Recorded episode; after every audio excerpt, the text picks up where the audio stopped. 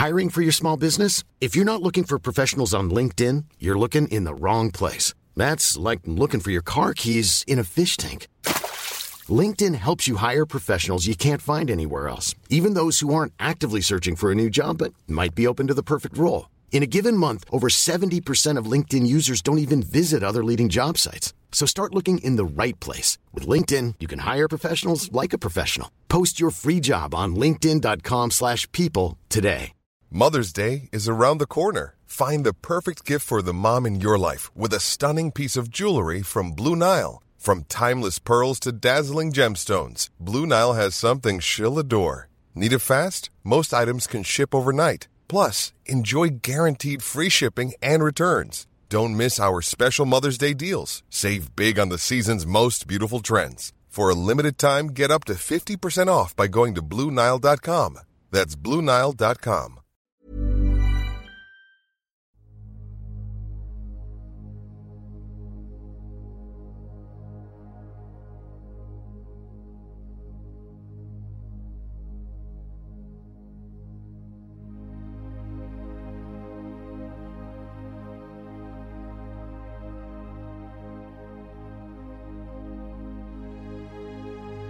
Ljus eller mörker gäller människor i den fysiska dimensionen och varelser i alla andra dimensioner. För att kunna se vad som är vad behöver vi människor vara öppna för både ljus och mörker. Det kräver mod och ett öppet sinne. Ljuset ger oss ljus, värme, kärlek, gemenskap, tillhörighet, vänskap och en massa vackra livsupplevelser. När vi talar om mörkret i podden så är det när vi människor upplever förvirring, kaos, hot, angrepp, manipulation, splittring som bidrar till att man känner sig ensam, isolerad och rädd. Att vara i sin egen kraft är att våga se verkligheten för vad den är och där göra medvetna val.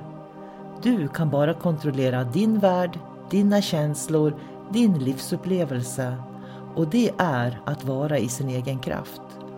Varmt välkommen till podden Kosmiska samtal.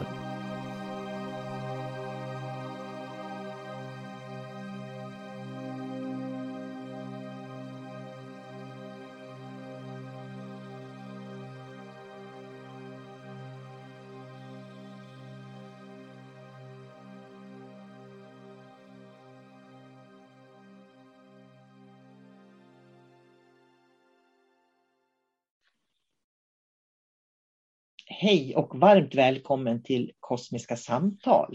Jag sitter här med David Gran, så jag säger hej David. Hej sol -Carina. Hur är det idag? Är det bra? Det är, ja, det är bra. Mm. Själv då? Jo, det är full fart höll jag på att säga, men det är faktiskt ganska lugnt här. Är det. Mm. Eh, idag så pratar vi om könsord. Vi har ju pratat om svärord förut. Ska man svära och varför man svär och är det bra att svära? Eh, men ibland så kan jag se att folk både skriver och framförallt säger könsord. Och då tänker jag könsord på det kvinnliga könsorganet eller det manliga könsorganet. Och då tänker jag så här, hur ser du på det? För jag menar, du har ju också barn. Det är precis som du har en dotter. Ska du börja säga det kvinnliga könsorganet när du blir arg? Hur kommer hon att ta det när hon växer upp? Eller jag som har så mycket pojkar ska börja använda det manliga könsorganet som ett svärord till exempel. Hur tänker du kring det?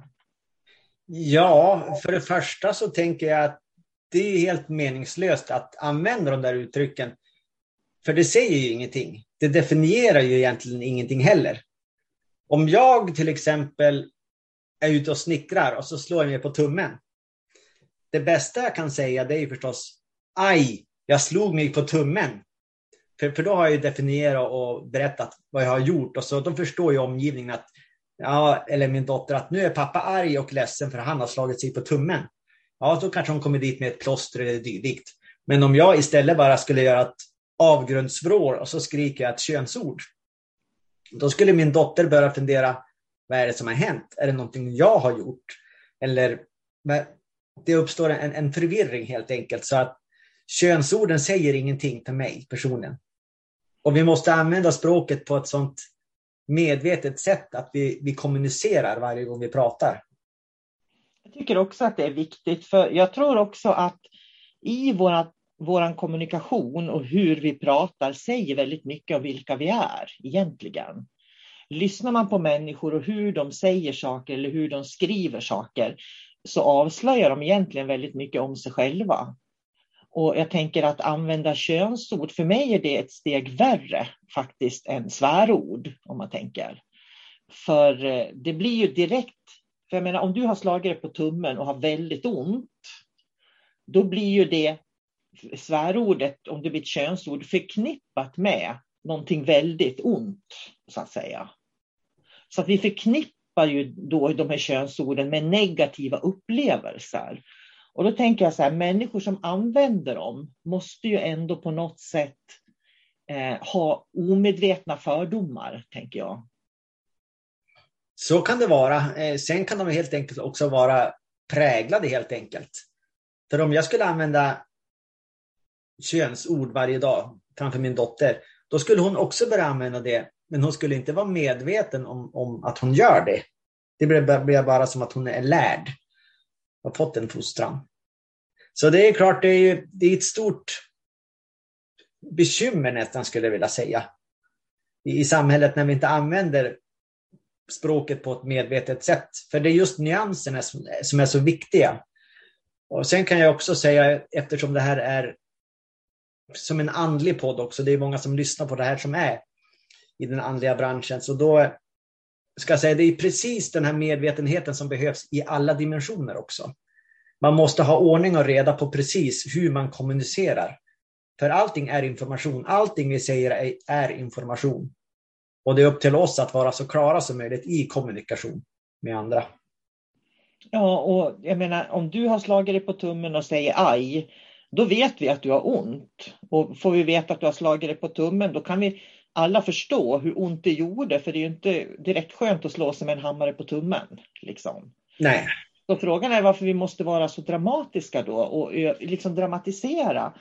För, det blir, för mig blir det på något sätt också ett eh, sätt att söka bekräftelse och, och, och sens, lite sensationssökning sådär. Att man vill synas och höras på något sätt. Men då är vi inne på det här, eh, vad ska man säga, det rebelliska.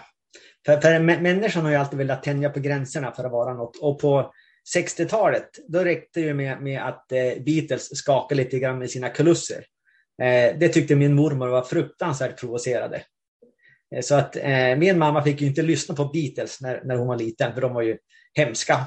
Och sen kom ju 70-talet och så är det 80-talet och det blev bara värre och värre. Det eskalerade ju det här. Och då var det ju mycket på rockshower, då skulle man ju eh, det var ju mycket blod och man kastade ut grishjärnor och det ska vara hemskt brutalt för att man ska chockera. Men vi kan ju inte chockera nu för tiden. Vi har ju kommit så pass långt i utvecklingen att hur, hur ska man göra för att få en reaktion på något sätt? Och det är där vi, vi, vi är nu, det är där vi har ett problem. Och sen är det ju nästa steg, det är också, behöver vi provocera? En människa som är säker i sig själv, vet vad den vill, vad har den att bevisa för andra? Det, det, är min erfarenhet att de klokaste människorna, det är de tystaste människorna egentligen. Eller ja, tystaste inom situationstecken. Men eh, en människa som har god självkännedom, eh, god tillit till sig själv, tror inte jag har ett behov av att dramatisera så där mycket faktiskt. Nej, så det, det, handlar ju väldigt mycket om en svag självbild och att man vill projicera utåt på, på, på, andra människor. Att man är stark och tuff och vad det nu kan vara. Att man är speciell på något sätt. Det är det som är det viktigaste för, för en del människor.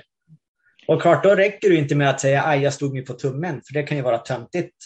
Om man istället drar iväg en lång, lång ramsa, så då är man ju lite tuffare kanske i andras ögon. Ja, för jag tänker på just det här att det är vibrationer. Eh, om, eh, och vilka signaler man skickar. Dels signaler som man medvetet kan uppfatta, men också att det är vibrationer som faktiskt sänker våra frekvenser. Så att olika förhållningssätt, olika sätt att tänka och prata. Eh, och det är ju naturligtvis ärvda beteenden många gånger, det tror jag att det är. Men jag vet att en av mina söner, han kan använda sådana här könsord och varenda gång jag är i närheten av honom och han gör det så påpekar jag det för honom också. Och då säger jag, mamma, det är de här miljöerna jag rör mig i på jobbet och runt omkring då, för det är liksom tuffa miljöer de är i och så. Eh, eller om jag tänker på skolan, när de gick i skolan också, kunde de ju komma hem och säga sådana här könsord. Och det är de här miljöerna igen. Så att eh, jag, jag tror att det finns en kultur också i samhället där man har den här jargongen väldigt ofta. Ja, men sen har man ju ett eget ansvar också. Bara för att man är i en miljö där orden används, behöver man använda dem själv?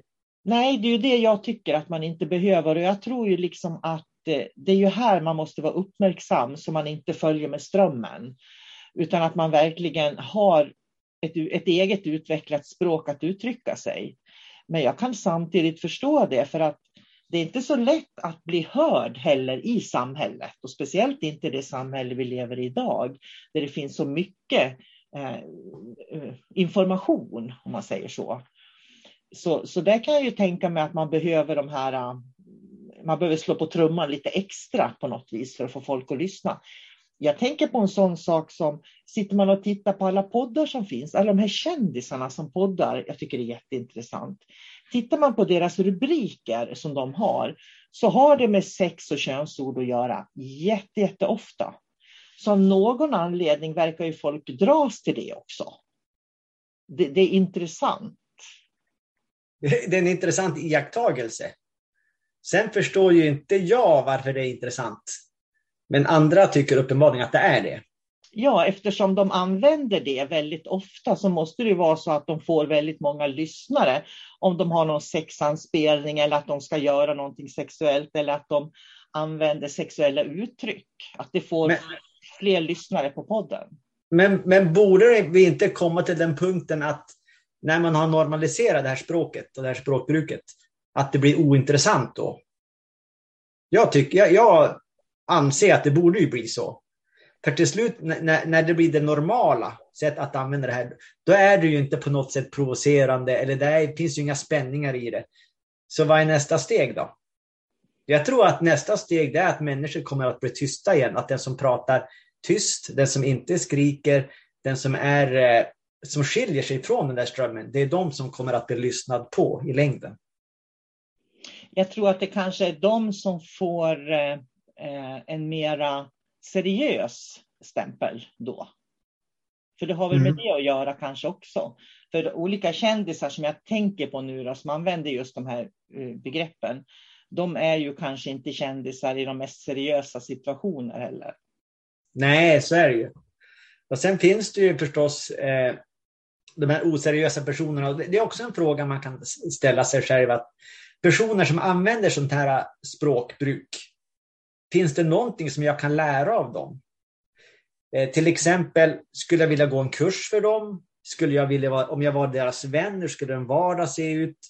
För ofta så är det just det här, eh, om det finns någonting respektlöst hos en person i deras eh, ordbruk eller ord, hur de pratar. Tänk steget längre. Vad är det för människor som, som använder de här, eh, språk, de här språket? Och hur påverkar det människor runt omkring? Hur påverkar det dig? Är det någon att se upp till? Så det är bara nyttigt att ställa sig de där frågorna. Jag vet du, det får mig att tänka på, på Svartenbrandt, den här bankrånaren vet du på den tiden, 70-80-talet vad det var. Han, eh, han fick ju så otroligt mycket kvinnor som skriver till han i fängelset. Så att det, och det är liksom kvinnor som tar kontakt och de vill gifta sig och det är allt möjligt sådär. Vill ha en relation med de här brottslingarna som sitter inlåsta på många, många år. Det har ju också en sån här knepig grej. Varför söker man sig till en sån här grov mördare, massmördare kanske till och med, och, och börja brevväxla med dem? Förstår du? Men det måste, på något sätt så måste det ju ha med liksom det mänskliga psyket att göra.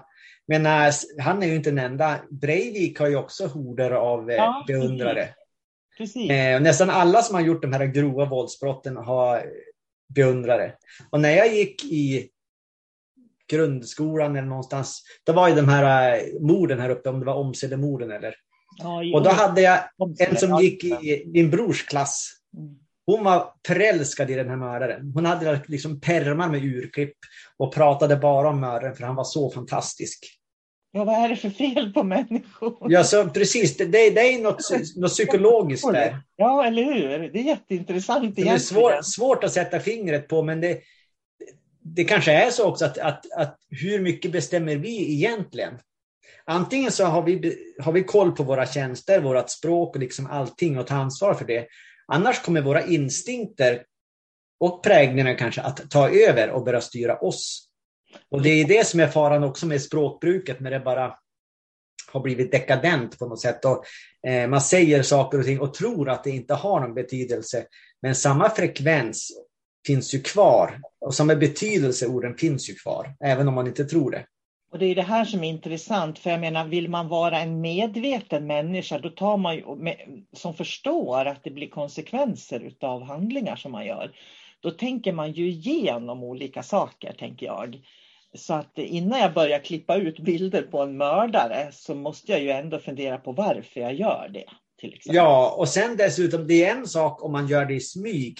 Så, jag tycker om den här mördaren, men jag sitter på min kammare och klistrar. Men när man tar till en skola har med sig en perm och berättar om sin stora kärlek som sitter häktad någonstans på grund av det den har gjort. Då måste man ju förstå själv att det är något fel på mig. Jag vet ju absolut ingenting om den där människan. Däremot vet jag eh, vad den har gjort för handlingar och det är ju ingenting bra förstås. Jag, jag satt faktiskt på Netflix och finns det no jag tror det var där, eller om det var någon annan av de här eh, streamingtjänsterna. I huvudet på en mördare var det i alla fall.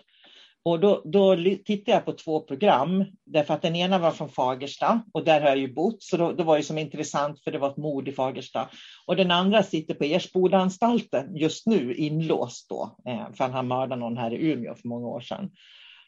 Och, så det fångade mitt intresse. Men jag hade inget annat att titta på just då, så jag tänkte vad ska jag titta på? Ja, men jag tittar på det här, för det var två städer jag kände igen. Då. Jag tittade på två avsnitt och jag kommer inte att titta på något mer, för det var hemskt att se kan jag säga. För då fick man liksom följa uppväxten och hur de hade blivit så här traumatiserade, de här mördarna. Och jag förstår verkligen inte hur, eh, hur människor kan bli så skadade. De är alltså så oerhört skadade, de här människorna. Och när jag tänker på han som sitter på Ersbodaanstalten, då blir jag nästan rädd.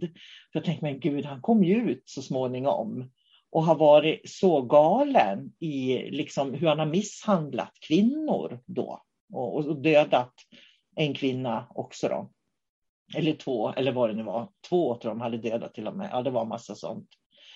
Men, men jag, jag, den här oerhörda ondskan, den förstår mm. inte jag. Den blir ett frågetecken för mig faktiskt. Ja, på något sätt så, för mig så handlar det om att det är människor som har tappat sin empati. En människa med empati skulle aldrig göra sådana här saker. När, när man vet att det är en levande människa jag har mitt emot mig, jag har respekt för den, jag kan känna vad den känner. Då begår man inte sådana där handlingar.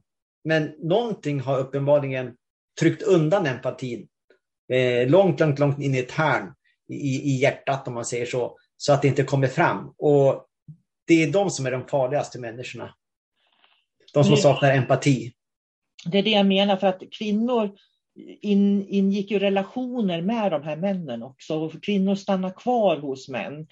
Eh, och, och, jag kan tänka så här att någonstans måste man vara väldigt rädd om sig själv. Så om vi pratar om könsord till exempel, eller om vi pratar om svordomar eller språket jag använder, eller vilka människor jag väljer att brevväxla med eller umgås med, eller, eller på något vis se upp till.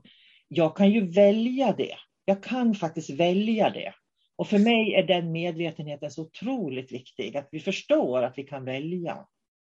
Ja, och när vi väl hamnar i de här situationerna då, då vi befinner oss i en tyngre frekvens, om man säger så, så då har man också möjlighet att liksom vara där på ett medvetet plan. För man kan ju inte alltid vara inne i sin lilla trygga zon där hemma. Utan när man utsätts för de här, de här tyngre frekvenserna så då måste man sköta det på, på ett medvetet plan. Så, så tycker jag i alla fall. Det är, det är jätteviktigt att hur man använder ord i vardagen, för det är ändå vardagsspråk. Mm. Det, det, det, formar ju en människa mer än vad man tror. Ja, ja man kan ju inte dra eh, likheter och paralleller, men jag, jag, jag, tänker lika lite som just det att man kan bli en mördare, för jag menar det är ju också omständigheter på många olika sätt och säkert jättemycket parametrar för det. För jag menar, eh, de här mördarna, två som jag tänkte på, de har ju inte haft någon värre barndom än vad många andra har, som det blir människor utav ändå, så att säga. Men jag tror att Eh, vi hela tiden, att vi som är vuxna, som möter barn och ungdomar och möter människor ute i samhället. Jag tror att vi har ett oerhört ansvar hur vi kommunicerar med varann, faktiskt. Ja, just som en, liksom en vuxen, vuxen person för jag har ju mött föräldrar som, är, eh, som ska vara kompisar med sina barn och sina barns kompisar. Och det blir en väldigt stor liksom, kontrast för mig. Du vet, då, de, då hakar de vuxna på och använder samma språk och dylikt. Och hur ska man då kunna fostra något barn och visa att det finns en annan väg att gå? Det finns liksom ett rättesnäre som man kan hålla sig efter, om man säger så. Och det tror jag är jätteviktigt det du sa nu. Eh, jag har säkert sagt det någon gång, men när jag var i Indien så sa de ju så här att barn upp till sju år ska behandlas som kungar och drottningar. De ska få allt de pekar på. Vi ska bära fram dem och ge dem all uppmärksamhet, all kärlek, alla behov tillgodosedda. Liksom. Sen eh, upp till de blir 12 år, eh, då ska de behandlas som prinsar och prinsessor. Att de får lite grann som de vill och sen ska de få lite regler. Så då. Och sen när de, när de blir, eh, kommer upp i tonåren, då ska vi leda dem.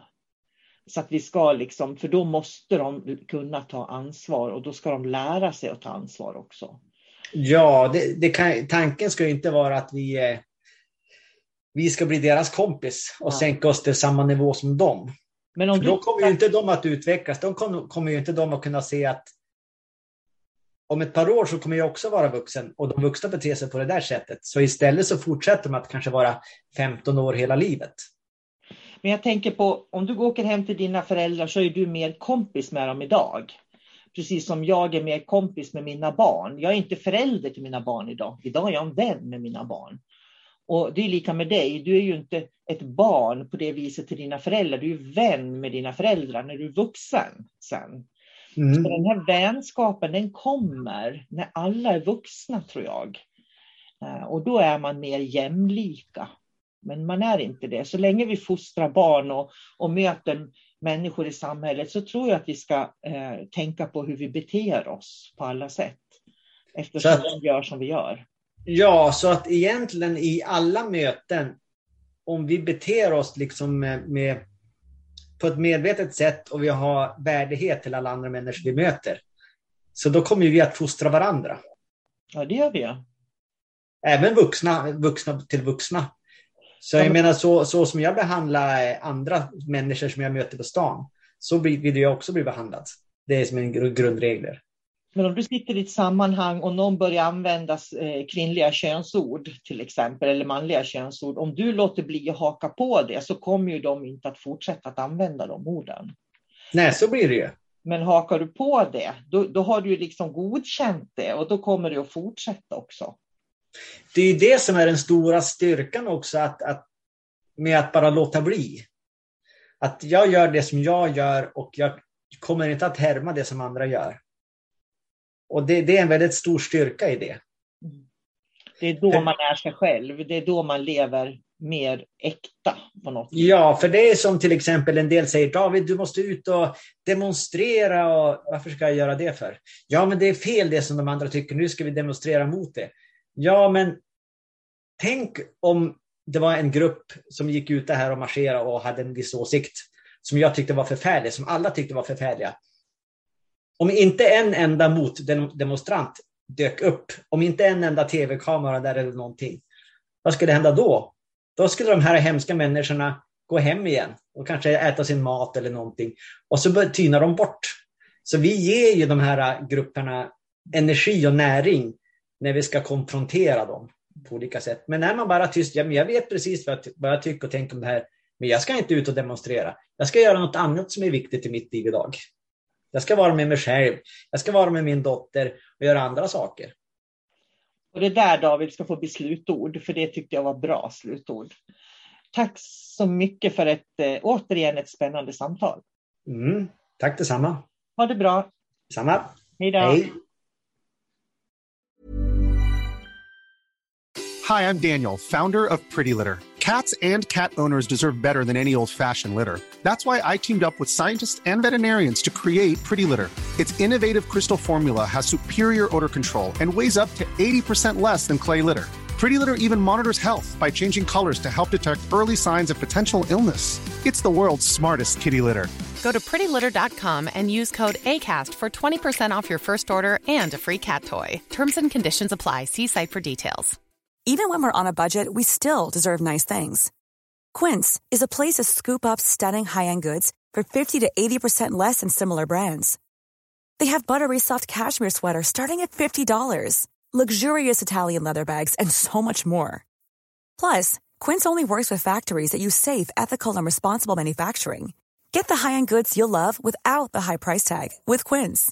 Go to quince.com slash style for free shipping and 365-day returns.